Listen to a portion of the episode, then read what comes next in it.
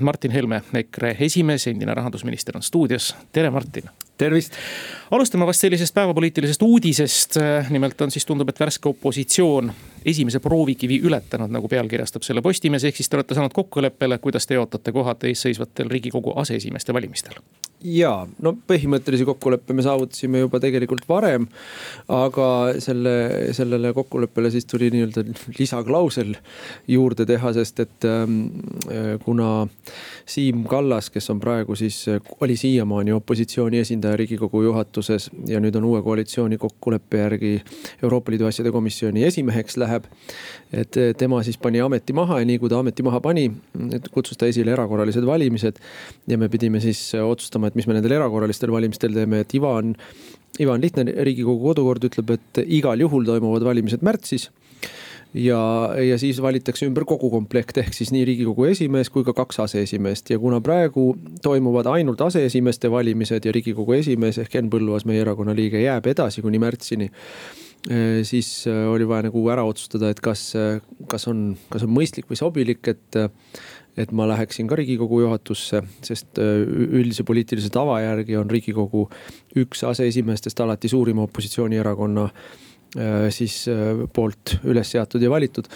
ja, ja me leidsime, arutasime siin nii Seedri kui Saarega ja leidsime, et see üks või, või noh, ütleme poolteist kuud võib, võib rahulikult jätkata meie poolest ka nende nimedega, kes me siiamaani oleme üles seadnud, et siis Helir, Helir-Valdor Seeder ja, ja Henn Põlluaas jätkavad märtsini. nüüd kümme või juba varsti üksteist päeva tegutsemist opositsioonis vaba mehena kindlasti aega on oluliselt rohkem perekonna jaoks olnud. pluss veel saite ka koalitsiooni poolt lahkumiskingitusena eneseisolatsiooni kohustuse, kuidas need päevad on läinud, Martin? ja no elutempo on teistsugune kui ministri elu töös, see on, see on muidugi selge ja, ja jah kokkupuutel Pevkuriga, ega ma nüüd haige ei ole olnud, ma käisin, tegin testid ära ja olen mitu testi lausa teinud, et aga, aga määrati mind eneseisolatsiooni mis nüüd äh, täna põhimõtteliselt läbi sai ehm,. noh, aega on nii palju, ütleme nii, aega on nii palju, et ma hakkasin itaalia keelt õppima see on väga armas, kas mingite sihtmärkidega, kas on sinustki saamas majandusdiplomaat või keegi? ei, ei minust majandusdiplomaati ei ole saamas, aga, aga ma olen ähm, äh, noh, armastan, armastan Itaalias käia, mulle väga meeldib seal, käin kord aastas, eelmine aastagi käisin vahetult ennem koroonapandeemiat. ja, ja keeleoskus tuleb kasuks aga nüüd teised opositsioonierakonnad või opositsiooni langenud erakond, ütleme siis Isamaa on leidnud need aega enesekaemuseks ja Helir-Valdor Seederi kiri erakonnakaaslastele paneb kogu selle koalitsiooni lagunemise süü ka nüüd ootamatult teie erakonnale, Martin, et kuidas sellesse nüüd suhestuda ja kas nüüd kohe järgküsimus ka. on see nii-öelda kaemusaeg ka teie käes, kus on teie kiri erakonnakaaslastele mina saatsin erakonnakaaslastele mitu kirja, kui siin oli. see ei lekkinud kuskilt. huvitaval kombel meil ei leki jah ja. ja.. kui oli siin seesama, see nädal, kui valitsus kukkus Äh, andsin, andsin meie erakonna liikmetele teada sündmuste kulust, mis meil on valikud, kuidas meil, kuidas me seda asja ise näeme mm, selle tulemus tegelikult on, et meil on erakonnas väga suur selline noh, üksmeele, noh, tõeline üksmeeletunne praegu. meie erakonna liikmete ja noh, ütleme siis fraktsioon, juhatus, liikmed näevad kõik asja ühtemoodi, esiteks näevad Äh, asja sedapidi, et meile nii-öelda löödi nuga selga või tõmmati vaip alt ära või kuidas iganes me seda väljendame.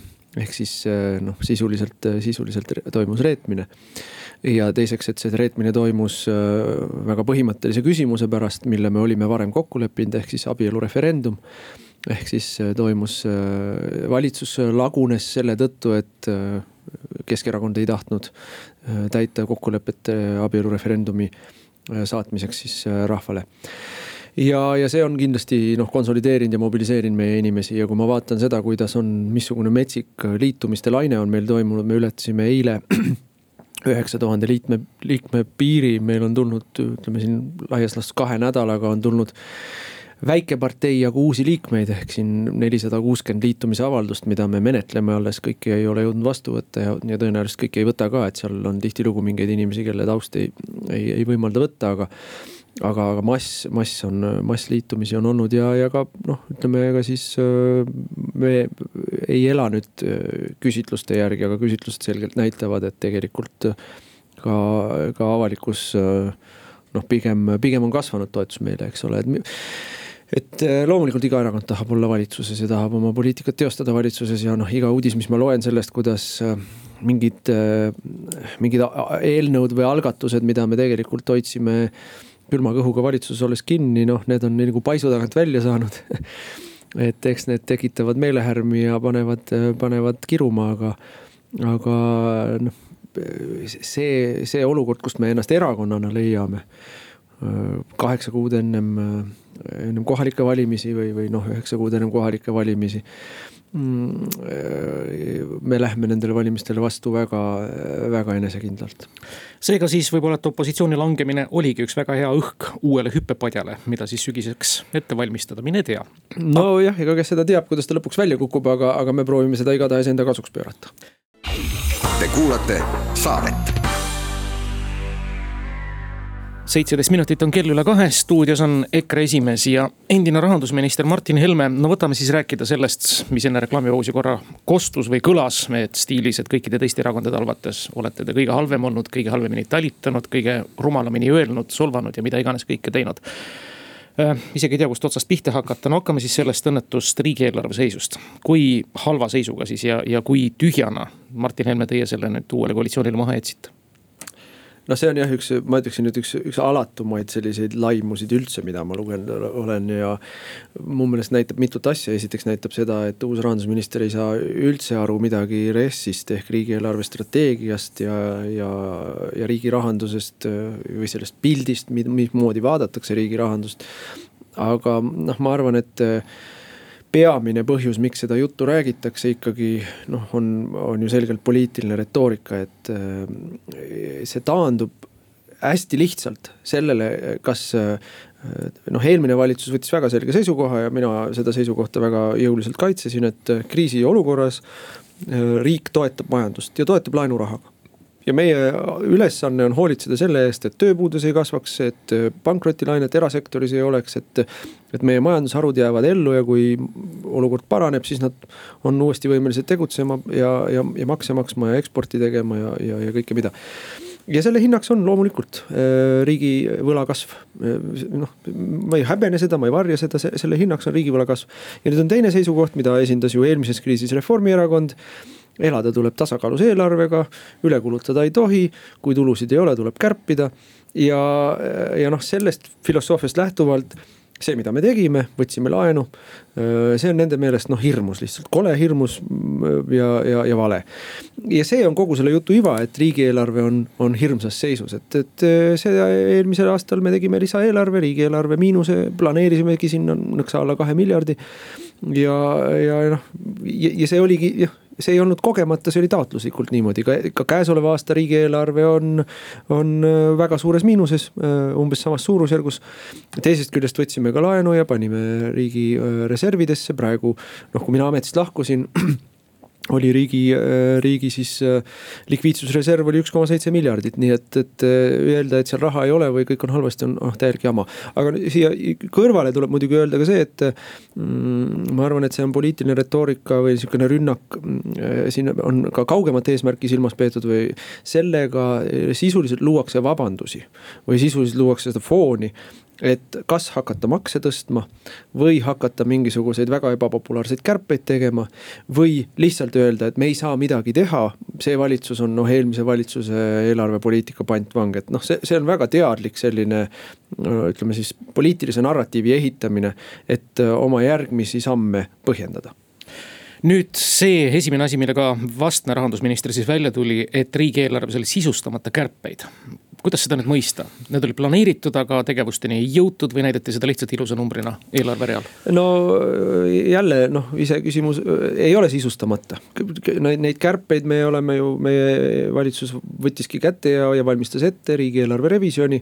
ja seda riigieelarve revisjoni on võimalik mitut moodi teha, seda on võimalik protsendikärpega teha, seda on võimalik mingisuguste suurte. no ütleme siis poliitiliste valikutükkidena teha, noh hästi lihtsalt öeldes, kas me teeme tasuta maakonna bussiliiklust või ei tee tee, selle vahe on nelikümmend, viiskümmend miljonit. ja, ja, ja, ja kui sellise ühe otsuse ära teed, ongi kärbe viiskümmend miljonit saavutatud. ja on võimalik teha hästi paljudes valdkondades hästi väikeseid kärpeid, mis kokku annavad kümneid miljoneid, et, et see eeltöö on kõik tehtud. mida me ei teinud erineval, kahel erineval põhjusel, me ei jõustanud neid kärpeid, et ja kaks, kaks erinevat põhjust, üks oli see, mis, millest ma just ennem rääkisin, et me ei tahtnud kriisi põhjas hakata raha kokku kraapima, sest et sellel igal juhul on mõju majandusele laiemalt. noh, see sisuliselt võimendab äh, siis majanduslanguse tsüklit. Äh, kui sa siis võtad nii-öelda käibest raha välja ja, ja teine põhjus oli see, et me ei jõudnud poliitilisele kokkuleppele. me, meil oli noh, kolm erinevat osapoolt, igalühel oli oma, oma eelistus, kuidas kärpida või, ja osadel oli eelistus üldse mitte kärpida. ja, ja, ja, ja lõppkokkuvõttes me ei jõudnud otsuseni, et kui järgmisel, tänasel valitsusel on sellist otsustavust et need kärped ära teha, siis kärpeid vahemikus kümme kuni sada viiskümmend miljonit on võimalik teha. see vajab lihtsalt poliitilist tahet. kui Keit Pentus-Rosimannusel on selline tahe olemas ja uuel peaministril ja, ja, ja mõlemal koalitsioonipartneril, siis ei ole seal mitte midagi sisustamata no räägime ikka elevandist ka, kelle kõrvad paistavad siia stuudiosse ära, Porto Franco Granat. ehk siis räägime teie nõunikust, Kersti Krachtist, kus nüüd on ilmnenud mingisugused uued faktid, mis toovad niidikesed tabloo peal kuidagi ka Louis Freeh'ni välja. hakkame sellest pihta, pool miljonit Louis Freeh'le sai välja makstud, mille eest? väga hea töö eest, väga hea töö eest, mida ei tohiks pooleli jätta. see, milleks me ju palkasime siis sellesama FSS ehk Louis Freeh firma, oli äh, siis äh, lisainfo kogumine Eesti panganduses toimunud äh, rahapesu kohta ja selle lisainfo kogumist sai siis selline erafirma, riigi tellimusel tegutsev erafirma teha. noh, ütleme oluliselt äh, lihtsamalt või, või, või paremini kui, äh, kui äh, prokuratuur Eestis või Ameerikas, sest et nad said sisuliselt kasutada vilepuhujaid et noh, kui me, kui me mõtleme selle peale, et meil on olemas pangatöötajad, kes mõni natuke kõrgem, mõni, mõni madalam, kellel on hunnik dokumente, mõne dokumendi peal on ta ema enda allkiri. mõnes otsuses on ta ise kuskil olnud otsuse tegemise protsessis sees ta ei taha tulla äh, prokuratuuri ja öelda, et näete, me tegime selliseid ja selliseid asju. jah äh,, selle tulemuseks oli, eks ole, siis finantsregulatsiooni rikkumine. aga, aga sellisele erafirmale inimesed laulsid nagu linnukesed. ja, ja, ja seda materjali, mida nad kogusid ja mille nad nüüd saavad edasi viia, noh, Eesti prokuratuur pole huvi tundnud, aga Ameerika ametivõimudele on nad seda küll edasi toimetanud, on päris palju. nii et äh, see töö on pooleli ja, ja selle töö ütleme tulemusi ma ikkagi loodan, et me hakkame millalgi nägema. üks nendest tulemustest, mis oli meie peamine eesmärk, oli ju, et kui Ameerika võimud teevad trahvi siis nendele põhjamaistele pankadele, siis Eesti riigipoolse abi ja koostöö eest nad jagavad seda trahvi meiega. ja, ja, ja see pool miljonit, kui, kui, kui kõik toimib nii nagu peab, kui siis see pool miljonit tuleb meile kümnekordselt või rohkem veel tagasi. Nii et, et ma ei näe nagu, ma, ma isegi ei mu meelest on, on, on, on ülimalt Eesti huvide kahjulik äh, see töö pooleli jätta nüüd Kersti Krahtist rääkides, kui siin on välja tulnud äh, ringkonnakohtus, mida ajakirjandus on võtnud vahendada veel igasuguseid niite ja Kersti Krahti kõrvaläri. huvitav, et tal seda kõike seda aega jagus teha ministri nõuniku ameti kõrvalt. Äh, teie teadmised pärinevad ka Krahti tegude või talle omistatavate tegude kohta ainult ajakirjandusest või olete nüüd saanud ka omal algatusel midagi uurida, et mis business ta siis ajas? ei noh, business'it ta ajas muidugi, ta on ju eluaeg olnudki ettevõtja ja, ja ettevõtlusorganisatsioonidega ja kelle kõigega tal oli noh, terve, terve terve rida erinevaid firmasid. Äh, mul enam-vähem selline noh, sihukene üldine ülevaade sellest, mida ta varem on teinud, äh, on olemas, oli olemas, kui ta tööle tuli, ta andis mulle sellest ülevaate. Äh, rahandusministeeriumi sise ja sisekontroll käis ka need asjad üle, märkis seal ka ära mõned siis nihukesed kohad, mille kohta ta ütles, et, et siin on, on näiteks noh, tõi välja, et mingitel firmadel on esitamata majandusaasta aruanne, noh selliseid asju tõi välja. aga näiteks äh, see, mida nüüd seal ringkonnakohtus on, on siis nagu kuidagi hirmus äh, noh, pahaendelise või, või kurjakuulutavana presenteeritud, et Kersti Kracht vahendas Tederile kontakti Louis Freeh'ga, et vabandust, et mis see siia üldse puutub, et kui, kui äh, mõni inimene otsib endale juriidilist nõustajat et ja sa viid nad omavahel kokku. isegi seesama prokuratuur ise ütleb, et siin küll midagi kuritegelikku ei olnud, aga ikkagi. et noh, see on naeruväärne, see on naeruväärne, milleks üldse selliseid materjale avalikkusele ja kohtule panna, kui nendel ei ole tegelikult mitte mingit pistmist isegi kahtlustusega, süüdistusest rääkimata. noh, ma näen siin ikkagi, ma näen siin lihtsalt nagu avalikkusega manipuleerimist, ma muud ei näe siin ja nüüd need episoodid, mida siis on tõepoolest ka reaalselt juba süü-, kahtlustuse vormis siis esitatud Kersti Krachtile, tema võimalik siis altkäemaksu ja rahapesu kaasus ühe Siljar Tederiga. kuidas siin on, aeg annab arutlust või on juba mingisugune oma arusaam kujunenud, mis seal taga võis olla? no minul ei ole ju mingeid tõendeid keegi näidanud, et äh, mul ei ole võimalik öelda, et millest siis, millele tugineb see kahtlustus, ma pean, pean küll ütlema, et äh, jälle rahapesu, rahapesu on esimese astme kuritegu, eks ju. rahapesu on midagi sellist, mille peale kohtud tõenäoliselt annavad kergemini äh, siis äh, nii-öelda varjatud jälgimise õigust. ja, ja rahapesu on noh, ütleme siis väga konkreetsete tunnustega kuriteoliik kui, kui nüüd väide on see, et ta müüs või tegi mingeid tehinguid oma ühele firmale kuuluva majaga ja see oli rahapesu, siis siin tuleb nagu kuidagi ikkagi väga selgelt ära tõestada, et need tehingud on, on olnud mingil moelgi seotud siis musta rahaga või, või illegaalselt päritolu rahaga. aga nii palju, kui mina tean, on ta neid tehinguid teinud oma majaga pangaga mitte mingisuguste muude mingisuguste kummaliste. aga, aga jälle noh, ta peab ise neid selgitusi andma, ega mina nii detailides kursis ei ole nii et mulle on mõistetamatu tegelikult selle süüdistuse sisu, ma olen vestelnud ka siin mõne teise inimesega, kes ütlevad täpselt sama asja, kes on, ütleme selle, selles valdkonnas võib-olla noh, ka juriidiliselt paremini äh, kursis, et äh, see, see, sellel kõige, mina näen kogu selles asjas ikkagi mulle, mulle tundub nagu, et Kersti Kracht on sinna sisse lihtsalt ka tõmmatud kahel põhjusel, esimene põhjus on see. et äh, siis me räägime Kersti Krahtist, mitte Mihhail Korbist ja Keskerakonnast mingil põhjusel. ja, ja teine on see, et Kersti Krahti siis nii-öelda jälitamise kaudu hoiti ka rõõmsalt silm peal võimalikult palju minul. Te kuulate saadet kolmkümmend kolm ja pool minutit on kell üle kahe, Kuku raadio saade jätkab, stuudios on Martin Helme ja head kuulajad, olete teretulnud nüüd telefonile küsima Martin Helmelt otse-eetris küsimusi numbril kuus, kaks, üks, neli, kuus, neli, kuus, tervist. tervist. mul on küsimus selline, et milline on Mart Helme, Martin Helme seisukoht põlevkivienergeetika arengus Eestis? võttes aluseks selle, et, et Washingtoni ülikooli uuringud kus äh, kliimamuutused põhjustavad, põhi, põhjustaja on veeaur. Äh, üheksakümmend protsenti ja CO, süsinikdioksiidi ähm, äh, osa on vaid sellest kolm koma kuus protsenti, et, et kas me nüüd laseme põhja Eesti energeetikat siis? jaa. Äh, aitäh, ei äh, noh, minu seisukoht on minu meelest ammu-ammu teada, et Eesti, äh, Eesti maavärade väärindamine on meie majanduse üks oluline tugisammas ja ja noh, inimtekkelise kliima soojenemise skeptikuks võite mind iga kell arvestada. Et erinevad uuringud panevad jah, neid protsente erinevaid, kas see on mõni protsent või, või natuke rohkem kümme protsenti aga selge on see, et isegi kui kogu inimkond lõpetab ära igasuguse CO2 tekitamise, siis kliimat mõjutab ainult natukene. ja ma ei ole kindel, et meil on mõttekas äh, oma elustandard hävitada selle natukese nimel nüüd äh, konkreetsemalt lääne, ütleme siis Ida-Virumaa ja, ja, ja Eesti enda seisukohalt meie noh, siis kui mina olin valitsuses ja Eesti Energia üldkoosolek Äh, tegin väga konkreetseid asju, et Eesti Energia saaks äh, edasi tegutseda, et toimuks ka tootmise muutumine targemaks ja, ja tõhusamaks. see, seesama õlitehase tegemine vähendab ju mitu korda CO heidet, kui tahta teha seda.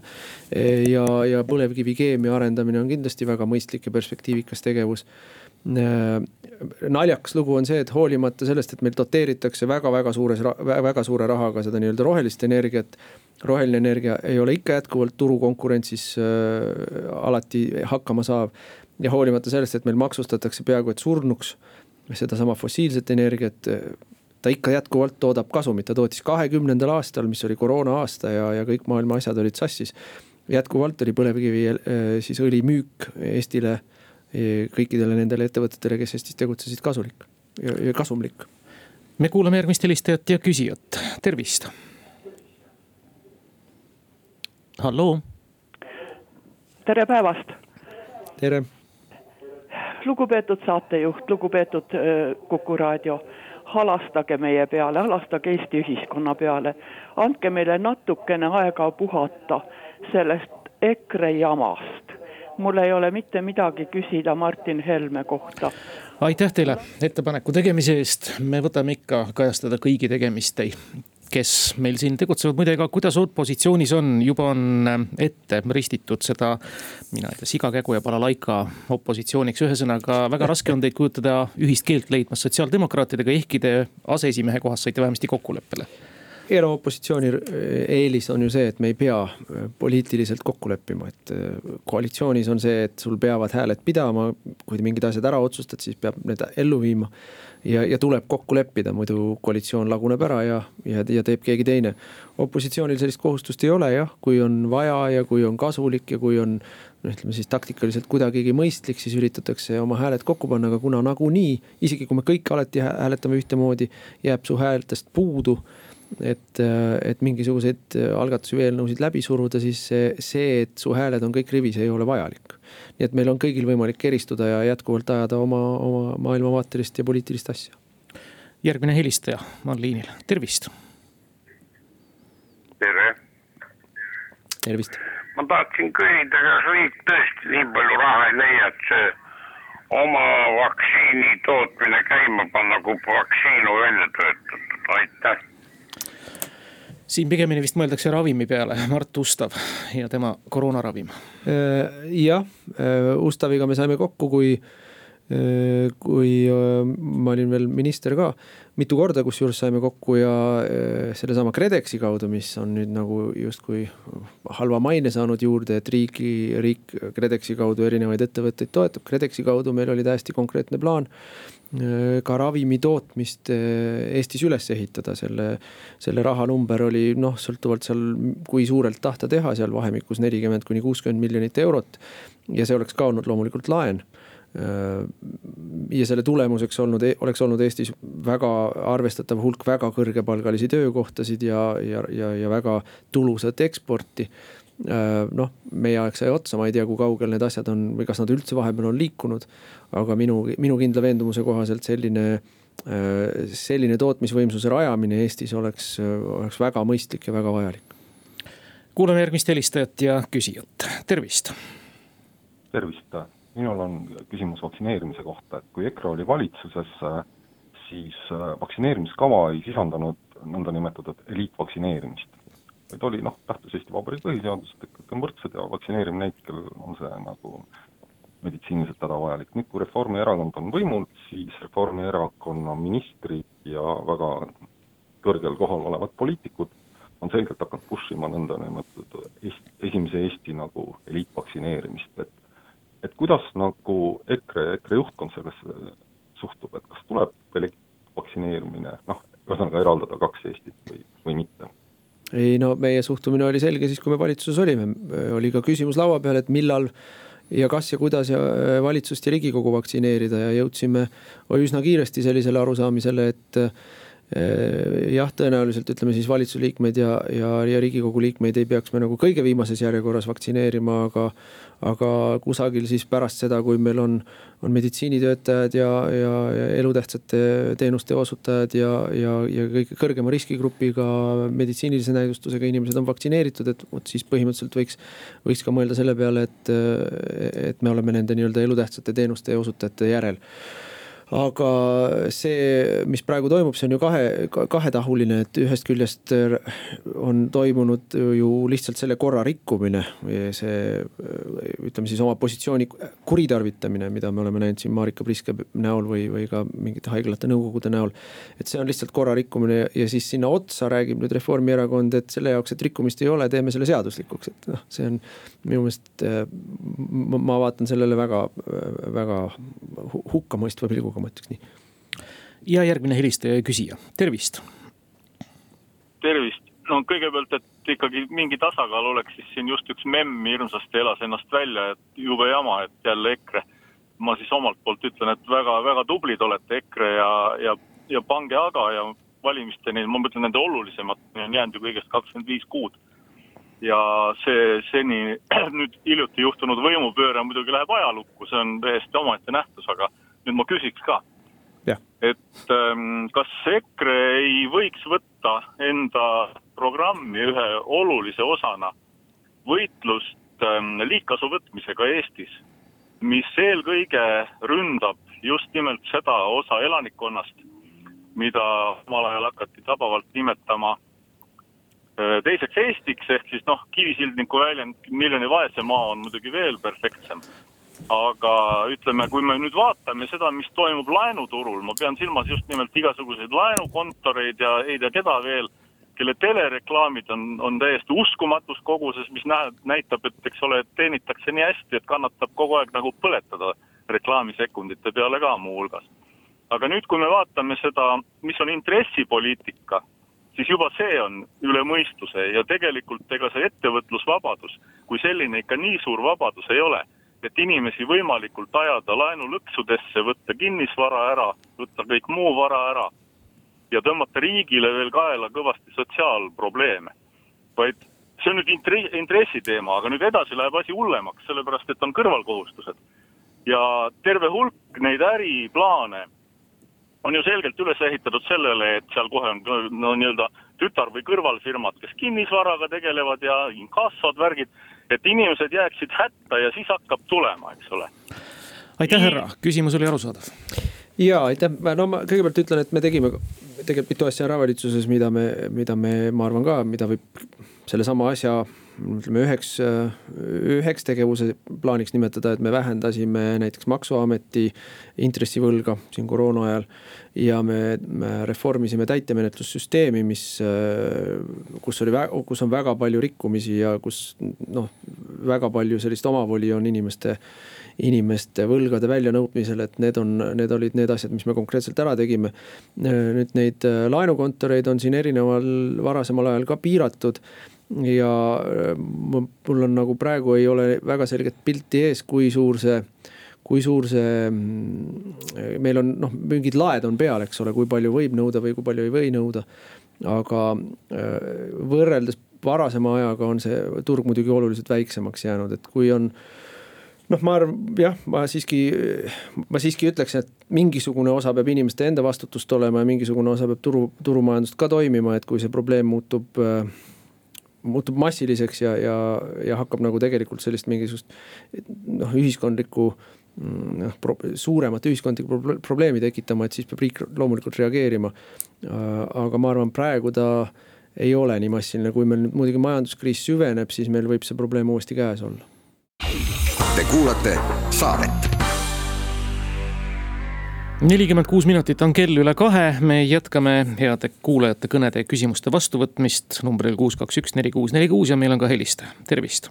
tere, tere., ma saan aru küll, et äh, poliitikute elu on valetamiskunst ja Martin Helmenile ma tahaks Helmele tahaks ma öelda, et eelmine vastus oli selline, et te valetasite. Äh, proua Priske sai teie ajal süsti, samut-, samat moodi ka saadikud ja kindlasti veel on neid nii et see ei lähe nagu praeguse valitsuse arvele, et seda oleks võinud viisakusest öelda. aga teine asi, teil on ema ja teil on isa, kes teid on kasvatanud, teil on viis ilusat last. ja iga pühapäev ma huvi pärast kuulan ja võib-olla tuleks EKRE-sse ka. aga lihtsalt piinlik on kuulata seda sõnavara võib-olla, võib-olla mõnele ei meeldi ka teie tütre nina või suu või, või poja kõrvad, et kas ei saaks ma küsingi nüüd küsimuse, kas ei saaks kuidagi ennast natukene tagasi hoida inimeste iseloomustamisel nende kehavigade või millegi poolest. see on tõesti väga inetu. aitäh. aitäh, jah, no nagu, kui te kuulate pühapäevast saadet, siis te teate, et koos isaga me seal räägime et eh, ju neid kombeid siis eh, on, on, on niimoodi õpetatud. aga mis eh, puudutab riske vaktsineerimist ja neid samasid eliitvaktsineerituid, siis jah, osad nad on saanud oma süstid kätte siis, kui oli veel vana valitsus, aga nagu ma ka ütlesin oma vastuses, tegid nad seda reegleid rikkudes ja välja tuli see alles hiljem nii et ma arvan, et te teete mulle ülekohut, kui te arvate, et ma valetasin siin kuus, kaks, üks, neli, kuus, neli, kuus on järgmise helistaja vastu võtnud, tervist. Tervist, ma tahaks puudutada kuritegevuse teemat.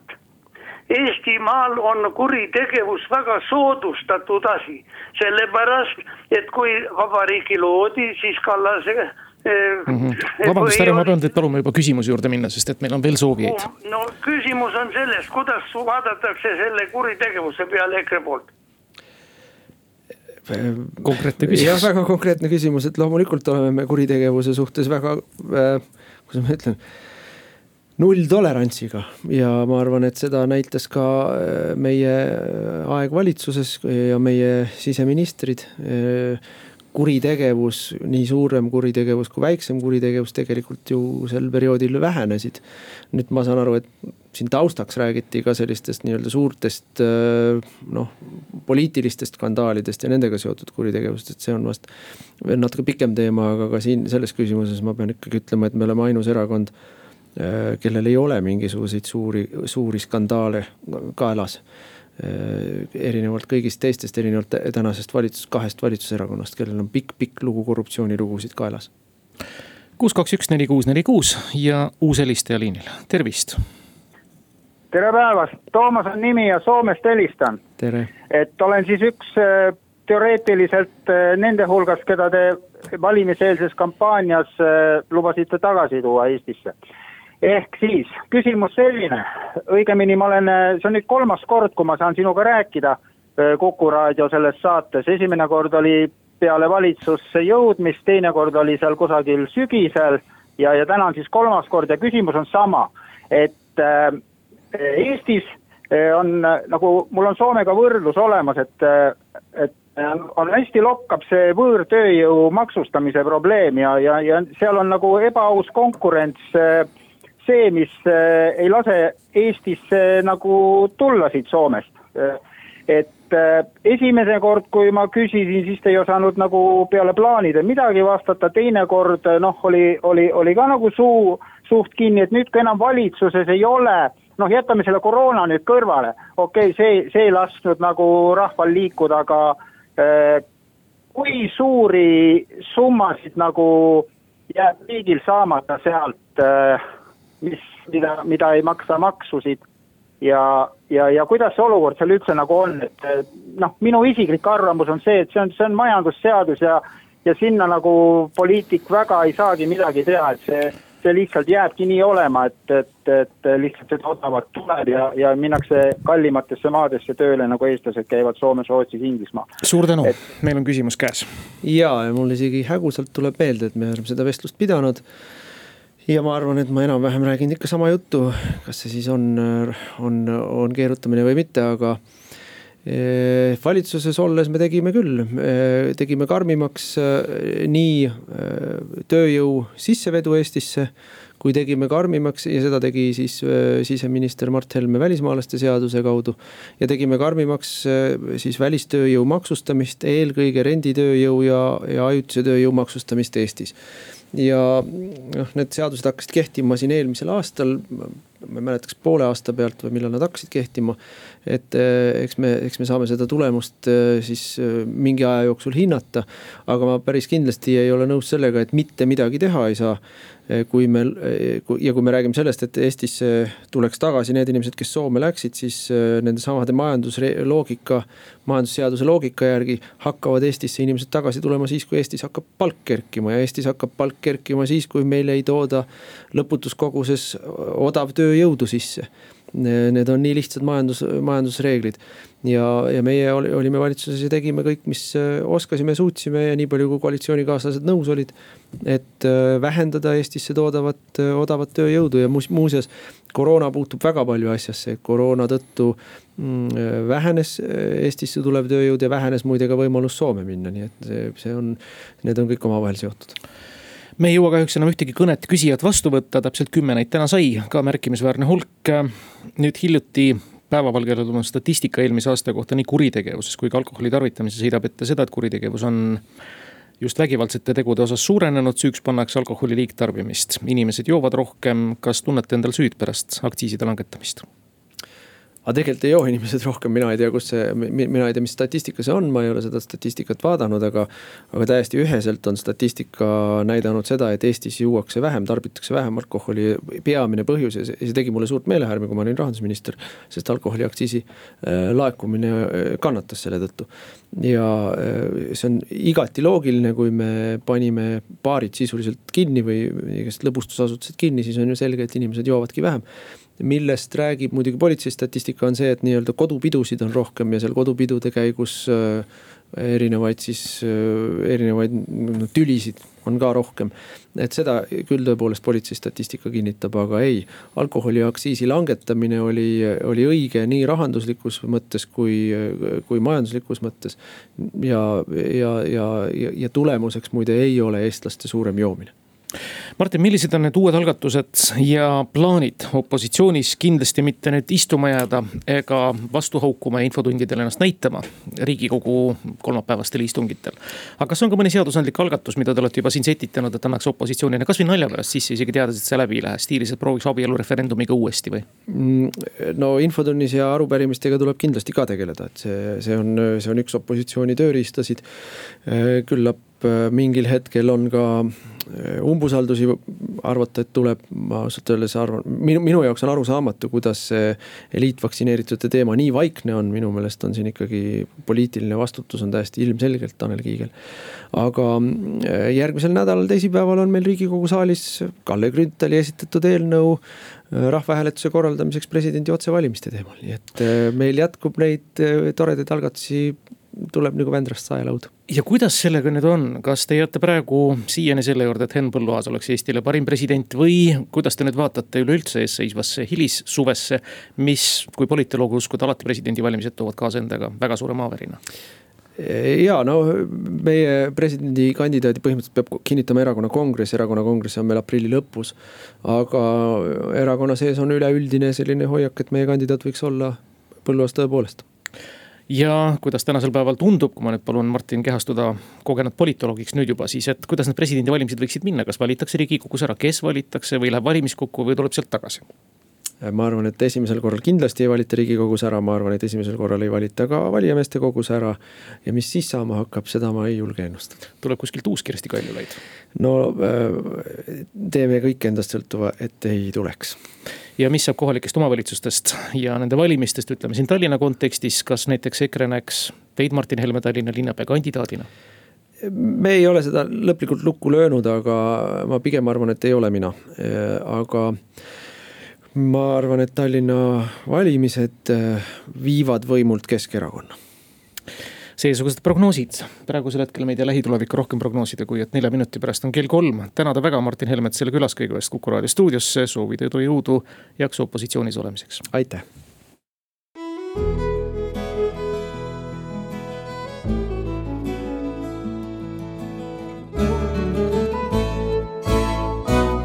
raadio Kuku